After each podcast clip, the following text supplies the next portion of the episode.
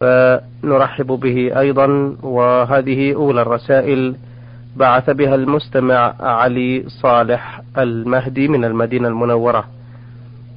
في سؤاله الأول يقول ما هي شروط الاعتكاف وما هي الأشياء التي تفسده؟ وهل يصح في مسجد لا تقام فيه صلاة الجمعة؟ نعم. بسم الله الرحمن الرحيم. الحمد لله رب العالمين. وأصلي وأسلم على نبينا محمد وعلى آله وأصحابه أجمعين. الاعتكاف سنة مشروعة. أشار الله إليه في القرآن وفعله النبي صلى الله عليه وسلم وأقر عليه فاعتكف واعتكف أزواجه من بعده صلوات الله وسلامه عليه. قال الله تعالى ولا تباشرهن وأنتم عاكفون في المساجد. وثبت عنه صلى الله عليه وسلم أنه اعتكف العشر الأول من شهر رمضان ثم الأوسط يبتغي بذلك ليلة القدر ثم العشر الأخير. واستقر على ذلك لأن ليلة القدر في العشر الأواخر من رمضان. وبهذا علم أن الاعتكاف هو لزوم المسجد لطاعة الله سبحانه وتعالى ليتفرغ الإنسان فيه لعبادة الله والإنابة إليه والرجوع إليه. وهو سنة في العشر الأواخر من رمضان لفعل النبي صلى الله عليه وسلم. أما في غيره في غير العشر الأواخر من رمضان فإنه من باب الشيء المباح. ولهذا قال عمر بن الخطاب رضي الله عنه للنبي صلى الله عليه وسلم إني نذرت أن أعتكف ليلة أو يوما في المسجد الحرام. فقال النبي صلى الله عليه وسلم أوف بنذرك. والاعتكاف يصح من كل مسلم ذكر كان أو أنثى وهل يشترط له الصوم؟ أو يصح بدون صوم.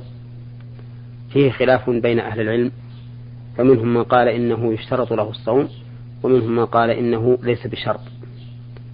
وظاهر حديث عبد عمر بن الخطاب رضي الله عنه أنه لا يشترط له الصوم. ولكن لا بد أن يكون في مسجد تقام فيه الجماعة. فلا يصح أن يعتكف الإنسان في حجرة من بيته أو أن يعتكف في رباط لطلبة العلم أو للقراء أو نحو ذلك بل لا بد أن يكون في مسجد تقام فيه الجماعة. والأفضل أن يكون في مسجد جامع. نعم. لئلا يتخلى له الخروج إلى صلاة الجمعة. ثم إن الذي يفسد الاعتكاف المباشرة مباشرة المرأة بالجماع والتقبيل لشهوة وما أشبه ذلك. لأن الله سبحانه وتعالى نهى عن الجماع في قوله ولا تباشروهن وأنتم عاكفون في المساجد. ويفسده كذلك إذا خرج من المسجد بدون عذر. ويفسده إذا خرج إلى المسجد ببيع أو شراء أو نحو ذلك. وقد قسم أهل العلم خروج المعتكف من المسجد إلى ثلاثة أقسام. نعم. قسم جائز بشرط وبدون شرط وهو أن يخرج الإنسان إلى ما لا بد له منه كخروجه إلى قضاء حاجته البول أو الغائط إذا لم يكن في المسجد ما يقضي به ذلك. فإن كان في المسجد حمامات يتمكن من قضائه من قضاء حاجته فيها فإنه لا يخرج. وكذلك إذا خرج لإحضار طعامه وشرابه إذا لم يكن عنده من يحضره من يحضره ما له فإن هذا أمر لا بد منه. نعم. والقسم الثاني ما يجوز بشرط ولا يجوز بدون شرط. مثل أن يخرج لعيادة مريض قريب له أو صديق له فيشترط في ابتداء اعتكافه أني أخرج لعيادة مريض أو لتشييع جنازته إن مات أو ما أشبه ذلك. فهذا يجوز بشرط ولا يجوز بدون شرط. وقسم ثالث لا يجوز مطلقا وهو أن يخرج لما ينافي الاعتكاف من بيع وشراء ونحو ذلك. فإن أهل العلم يقولون إن هذا لا يصح شرطه ولو خرج بناء على شرطه فسد اعتكافه فلا ينبني آخره على أوله. نعم. أه، بارك الله فيكم. السؤال الثاني يقول أه، ما هو مقدار زكاة الفطر وعلى من تجب؟ وهل يجوز نقلها من البلد الذي فيه المزكي إلى بلد آخر؟ وما هو آخر وقت لإخراجها وأوله؟ زكاة الفطر مقدارها صاع من طعام. قال أبو سعيد الخدري رضي الله عنه فيما رواه البخاري عنه كنا نخرجها على عهد النبي صلى الله عليه وسلم صاعا من طعام وكان طعاما يومئذ التمر والزبيب والشعير والأقط. وكونها صاعا من طعام يشمل أي نوع كان من الأطعمة فإذا فالرز والبر والتمر والزبيب والأقط كله يجوز إخراج زكاة الفطر منه لأنه طعام. نعم. وأما من تجب عليه فإنها تجب على كل واحد من المسلمين ذكرا كان أم أنثى صغيرا كان أم كبيرا حرا أم عبدا. وأما وقت إخراجها فإن لها وقتان وقت فضيلة ووقت جواز. أما وقت الفضيلة فأن تؤدى صباح يوم العيد قبل الصلاة. نعم. وأما وقت الجواز فأن تؤدى قبل العيد بيومين. أما إخراجها بعد الصلاة فإنه محرم ولا يجزئ. لأن النبي صلى الله عليه وسلم أمر أن تؤدى قبل خروج الناس إلى الصلاة. فإذا أخرجت بعد الصلاة فقد فعلت على وجه لم يأمر الله به ولا رسوله.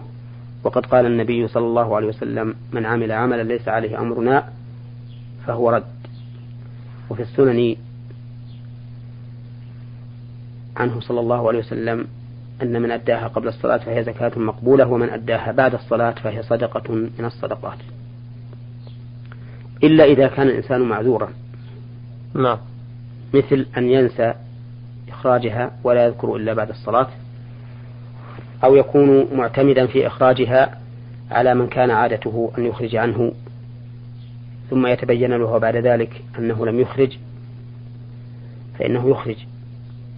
نعم. ومثل أن يأتي خبر يوم العيد مباغتا قبل أن يتمكن من إخراجها ثم يخرجها بعد الصلاة. ففي حال العذر لا بأس من إخراجها بعد الصلاة وتكون في هذه الحال مقبولة. لأن الرسول صلى الله عليه وسلم قال في الصلاة من نام عن صلاة أو نسيها فليصلها إذا ذكرها. وإذا كان هذا في الصلاة وهي من أعظم الواجبات المؤقتة ففيما سواها أولى. نعم. آه، بالنسبة لتأخير الزكاة إلى ما بعد صلاة العيد لو لم يجد من يدفعه يدفعها إليه حتى انتهى وقت الصلاة وصلوا الناس فكيف العمل؟ هو في هذه الحال معذور. يعني مثل لو كان من عادته أن يعطيها شخصا معينا من الفقراء. نعم. ثم إنه ذهب إليه صباح العيد ولم يجده فهذا يكون معذورا. هذا من من الأعذار. من الأعذار. نعم. آه، بقي الحكم في نقلها إلى بلد آخر؟ أما نقلها إلى بلد آخر فإنه لا بأس به لكن الأفضل أن يكون في بلده الذي وجبت عليه الزكاة وهو فيه. فإذا كان مثلا من أهل الرياض وكان في وقت وجوب زكاة الفطر في مكة فإنه يخرجها في مكة. ولكن إذا قدر أن من كان خارج بلده أحوج أو أنهم يتميزون عما في عمن في بلده بالقرابة إليه مع حاجتهم فإنه لا حرج أن يخرجها إلى هؤلاء لأنه قد يعرض للمفضول ما يجعله أفضل. نعم. آه، في هذه الحالة هل آه، الوقت يبدأ من تسليمها إلى المحتاجين أو من آه، وقت إخراجها من نفس الشخص المزكي. يعني لو كنت مثلا أنا في الرياض ودفعتها إلى شخص في خارج مدينة الرياض ربما في منتصف شهر رمضان قلت له هذه زكاة الفطر وتدفعها لمستحقيها في وقت الوجوب. هل يصح مثل هذا؟ يعني إذا أعطيتها إلى وكيلك في البلد الثاني. نعم. وقلت هذه زكاة فطر وأخرجها في وقتها فلا حرج لأن نعتبر وصولها إلى الفقير في وصولها إلى الفقير. نعم. نعم. جزاكم الله خيرا. هذه الرسالة من المستمع أحمد عبد الله يسلم من جمهورية اليمن الديمقراطية حضرموت آه يقول في سؤاله الأول أرجو شرح هذه الآيات من سورة صاد. ما معنى قوله تعالى إن هذا أخي له تسع وتسعون نعجة ولي نعجة واحدة. فقال أكفلنيها وعزني في الخطاب. قال لقد ظلمك بسؤال نعجتك إلى نعاجه وإن كثيرا من الخلطاء ليبغي بعضهم على بعض إلا الذين آمنوا وعملوا الصالحات وقليل ما هم وظن داود أنما فتناه فاستغفر ربه وخر راكعا وأناب. نعم. هذه الآيات في قصة خصومة وقعت عند داود عليه الصلاة والسلام وهو أحد الأنبياء الكرام أحد أنبياء بني إسرائيل. ابتدأه الله بقوله وهل أتاك نبأ الخصم؟ إذ تسوروا المحراب إذ دخلوا عليه على داود ففزع منهم. فقوله تعالى هل أتاك نبأ الخصم؟ هو استفهام بمعنى التشويق إلى هذه القصة ليعتبر الإنسان بما فيها. هؤلاء الخصم تسوروا المحراب والمحراب مكان صلاته عليه الصلاة والسلام أي مكان صلاة داود تسوروه أي قفزوا من السور حتى دخلوا دا على داود ولما كان دخولهم هذا غير معتاد فزع منهم فقالوا لا تخف خصمان. يعني نحن خصمان بغى بعضنا على بعض اعتدى عليه. فاحكم بيننا بالحق ولا تشطط لا تشق علينا واهدنا إلى سواء الصراط. ثم ذكر القصة فقال أحدهما إن هذا أخي له تسع وتسعون نعجة والنعجة هي الشاة من الضأن ولي نعجة واحدة. فقال أكفلنيها وعزني في الخطاب أي غلبني في الخطاب لقوة بيانه وأسلوبه. وأراد منه هذا أن يضم نعجته الواحدة إلى نعجاته التسع, التسع والتسعين. فقال له داود عليه الصلاة والسلام دون أن ينظر في قول خصمه قال لقد ظلمك بسؤال نعجتك إلى نعاجه ثم قال الله تعالى وإن كثيرا من الخلطاء لا يبغي, بعض لا يبغي بعضهم على بعض إلا الذين آمنوا وعملوا الصالحات وقليل ما هم. وظن داود أن ما فتناه فاستغفر ربه وخر راكعا وأناب. فغفرنا له ذلك. هذه القصة كان فيها شيء يحتاج إلى استغفار وإنابة إلى الله عز وجل لأن فيها اختبار لداود الذي جعله الله تعالى نبيا حكما بين العباد. حيث اقتصر في محرابه على العبادة الخاصة دون أن يبقى ليحكم بين الناس ولهذا جاء هؤلاء الخصوم فلم يجدوا داود عليه الصلاة والسلام وكان مكان صلاته مغلقا فتسوروا عليه تسورا ثم إنه عليه الصلاة والسلام قال لقد ظلمك بسؤال نعجتك إلى نعاجه. حكم عليه بأنه ظالم له. وظاهر القصة أنه لم يسأل المدعى عليه هل كان هل كانت دعوى صاحبه على وجه الصواب أم ليست على وجه على وجه الصواب. ومن أجل هذين الأمرين ظن عليه الصلاة والسلام أن الله سبحانه وتعالى اختبره بهذه القصة فاستغفر ربه وخر راكعا وأناب. قال الله تعالى فغفرنا له ذلك وإن له عندنا لزلفى وحسن مآب. وقد كان كثير من المفسرين يذكرون حول يذكرون في هذه القصة أشياء لا تليق بنبي من أنبياء من, أنبياء الله عز وجل. قصصا إسرائيلية تقتضي القدح في الأنبياء. نعم. فيجب على المرء أن يحترز منها وألا يقصها على أحد إلا مبينا بطلانها. ذكروا أن لداود عليه الصلاة والسلام تسعا وتسعين امرأة وأنه شغف حبا بامرأة أحد جنوده. وأنه أراد أن تكون هذه المرأة من زوجاته فطلب من هذا الجندي أن يذهب إلى الغزو لعله يقتل فيخلف امرأته ثم يأخذها داود عليه الصلاة والسلام. وهذه القصة كذب بلا شك ولا تليق بأدنى شخص له عقل فضلا عن أن يكون له إيمان. نعم. فضلا عن أن يكون نبيا من أنبياء الله.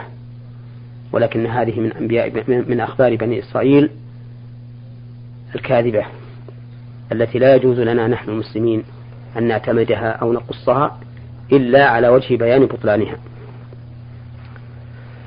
بارك الله فيكم. أه السؤال الثاني يقول أيضا ما معنى قوله تعالى في سورة الزمر؟ الله نزل أحسن الحديث كتابا متشابها مثانيا تقشعر منه جلود الذين يخشون ربهم ثم تلين جلودهم وقلوبهم إلى ذكر الله. ذلك هدى الله يهدي به من يشاء ومن يضلل الله فما له من هاد. معناها أن الله تعالى يخبر بأنه نزل أحسن الحديث كتابا وهو القرآن الكريم. الذي نزله على محمد صلى الله عليه وسلم. نزله كتابا متشابها يشبه بعضه بعضا في الكمال والجودة ويوافق بعضه بعضا وليس فيه مناقضة ولا اختلاف كما قال الله تعالى أفلا يتدبرون القرآن؟ ولو كان من عند غير الله لوجدوا فيه اختلافا كثيرا. مثانية تثنى فيه المعاني والأحوال والأحكام. فيذكر الله تبارك وتعالى خبرا يثني فيه على قوم وخبرا آخر يقدح فيه بقوم. ويخبر الله تعالى خبرا عن الجنة ثم عن النار. ويخبر الله تعالى خبرا عن الصدق ثم عن الكذب. وهكذا مثاني. ويكون فيه الآيات التي تكون أحكاما والآيات التي تكون وعدا ووعيدا حتى يكون الإنسان متقلبا في هذا الكتاب العظيم بين روضات آياته ومعانيه العظيمة. ولهذا قال تقشعر منه جلود الذين يخشون ربهم لعظمته. والهيبة منه وخوف ما فيه من الوعيد ثم بعد ذلك تلين جلودهم وقلوبهم إلى ذكر الله ويحل فيها الطمأنينة والاستقرار. ذلك هدى الله يأتي به من يشاء ومن يضل الله فما له من هاد. هذا وصف للقرآن الكريم بأنه متشابه وفي آيات أخر وصفه الله تعالى بأنه محكم وبأنه بعضه محكما وبأن بعضه محكم وبعضه متشابه. وحينئذ نحتاج إلى الفرق بين هذه الأوصاف. فوصف القرآن بأنه محكم كله معناه أنه في غاية الجودة والإحكام والإتقان. ووصف القرآن بأنه متشابه كله معناه أنه يشبه بعضه بعضا بالكمال والجودة والجودة والإتقان. ووصف القرآن بأن بعضه محكم وبعضه متشابه معناه أن بعض الآيات منه محكمة واضحة المعنى. لا يظهر فيها شيء من التعارض أو التناقض.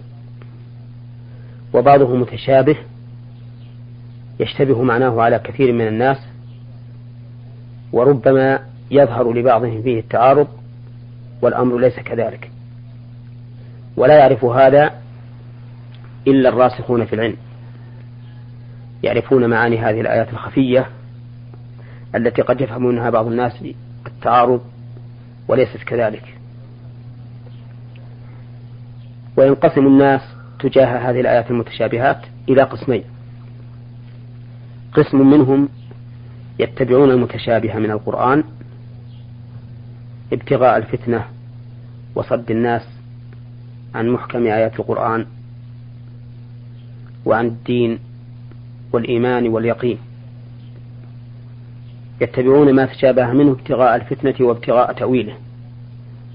وأما الراسخون في العلم المؤمنون بأنه من عند الله فيقولون آمنا به كل من عند ربنا ويعرفون كيف يجمعون بين هذه الآيات المتشابهة وبين الآيات المحكمات برد المتشابه إلى المحكم حتى يكون القرآن كله محكما.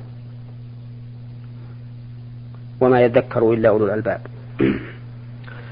جزاكم الله خيرا. هذه الرسالة من الأخت منى عبد العزيز من مكة المكرمة. تقول ما هي الليالي التي تتحرى فيها ليلة القدر؟ وما هو أفضل دعاء يقال فيها؟ وما هي علاماتها؟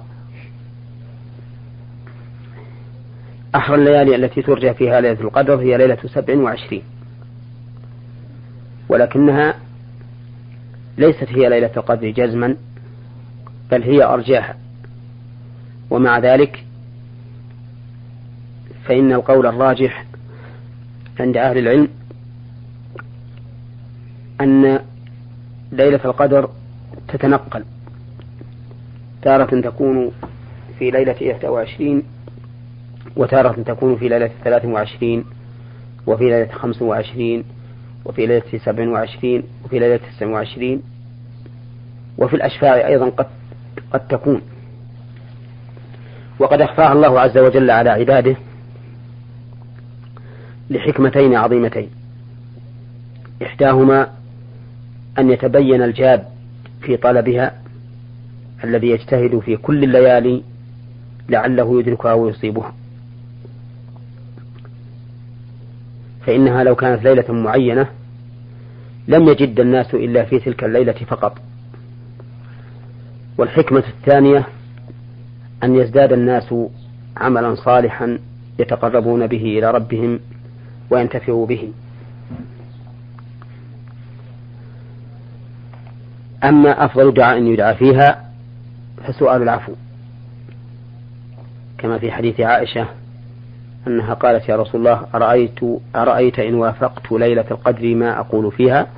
قال قولي اللهم إنك عفو تحب العفو فاعف عني. فهذا من أفضل الأدعية التي تقال فيها. وأما علاماتها فإن من علاماتها أن تخرج الشمس صبيحتها صافية لا شعاع فيها وهذه علامة متأخرة وفيها علامات أخرى كزيادة الأنوار زيادة النور فيها وطمأنينة المؤمن وراحته وانشراح صدره. كل هذه من علامات ليلة القدر. السؤال الثاني تقول إذا أتت المرأة العادة الشهرية في رمضان ثم طهرت منها في أثناء نهاره فماذا تفعل بصيام ذلك اليوم؟ أما اليوم الذي أتتها فيه العادة في أثنائه فإنه صوم فاسد تفطر بقية ذلك اليوم وتأكل وتشرب وتقضيه. نعم. وأما اليوم الذي طهرت فيه في أثنائه فإن أهل العلم اختلفوا في ذلك على قولين. أحدهما أنه يلزمها الإمساك احتراما للزمن وعليها قضاء ذلك اليوم لأنها لم تصومه من أوله والثاني أنه ليس عليها قضاء ليس عليها إمساك في ذلك اليوم لأنها حين وجوب الإمساك ليست من أهل وجوب الإمساك لوجود الحيض عليها ولأنها لا تستفيد من هذا الإمساك شيئا وإنما هو مجرد إتعاب عليها ولأن اليوم ليس محترما في حقها إذ أنها قد زالت حرمته بكونها تأكل منه تأكل فيه في أول النهار. ولهذا يروى عن ابن مسعود رضي الله عنه أنه قال من أكل في أول النهار فليأكل آخره. وعلى هذا فلا يلزمها أن تمسك بقية هذا اليوم لأنها لا تستفيد منه شيئا. والله أعلم. ولكن يلزمها قضاء هذا اليوم كما هو معلوم ظاهر. جزاكم الله خير الجزاء. أيها الإخوة الكرام في حلقتنا اليوم استعرضنا رسائل الإخوة علي صالح المهدي من المدينة المنورة والأخ أحمد عبد الله يسلم من جمهورية اليمن الديمقراطية حضرموت والأخت منى عبد العزيز من مكة المكرمة. أجاب عن أسئلة هؤلاء الشيخ محمد بن صالح العثيمين المدرس بكلية الشريعة بجامعة الإمام محمد بن سعود الإسلامية بالقصيم وإمام وخطيب المسجد الجامع الكبير بعنيزة. فشكرا له على إجابته وشكرا لكم على متابعتكم وإصغائكم وإلى لقاء آخر إن شاء الله. والسلام عليكم ورحمة الله وبركاته. نور على الدرب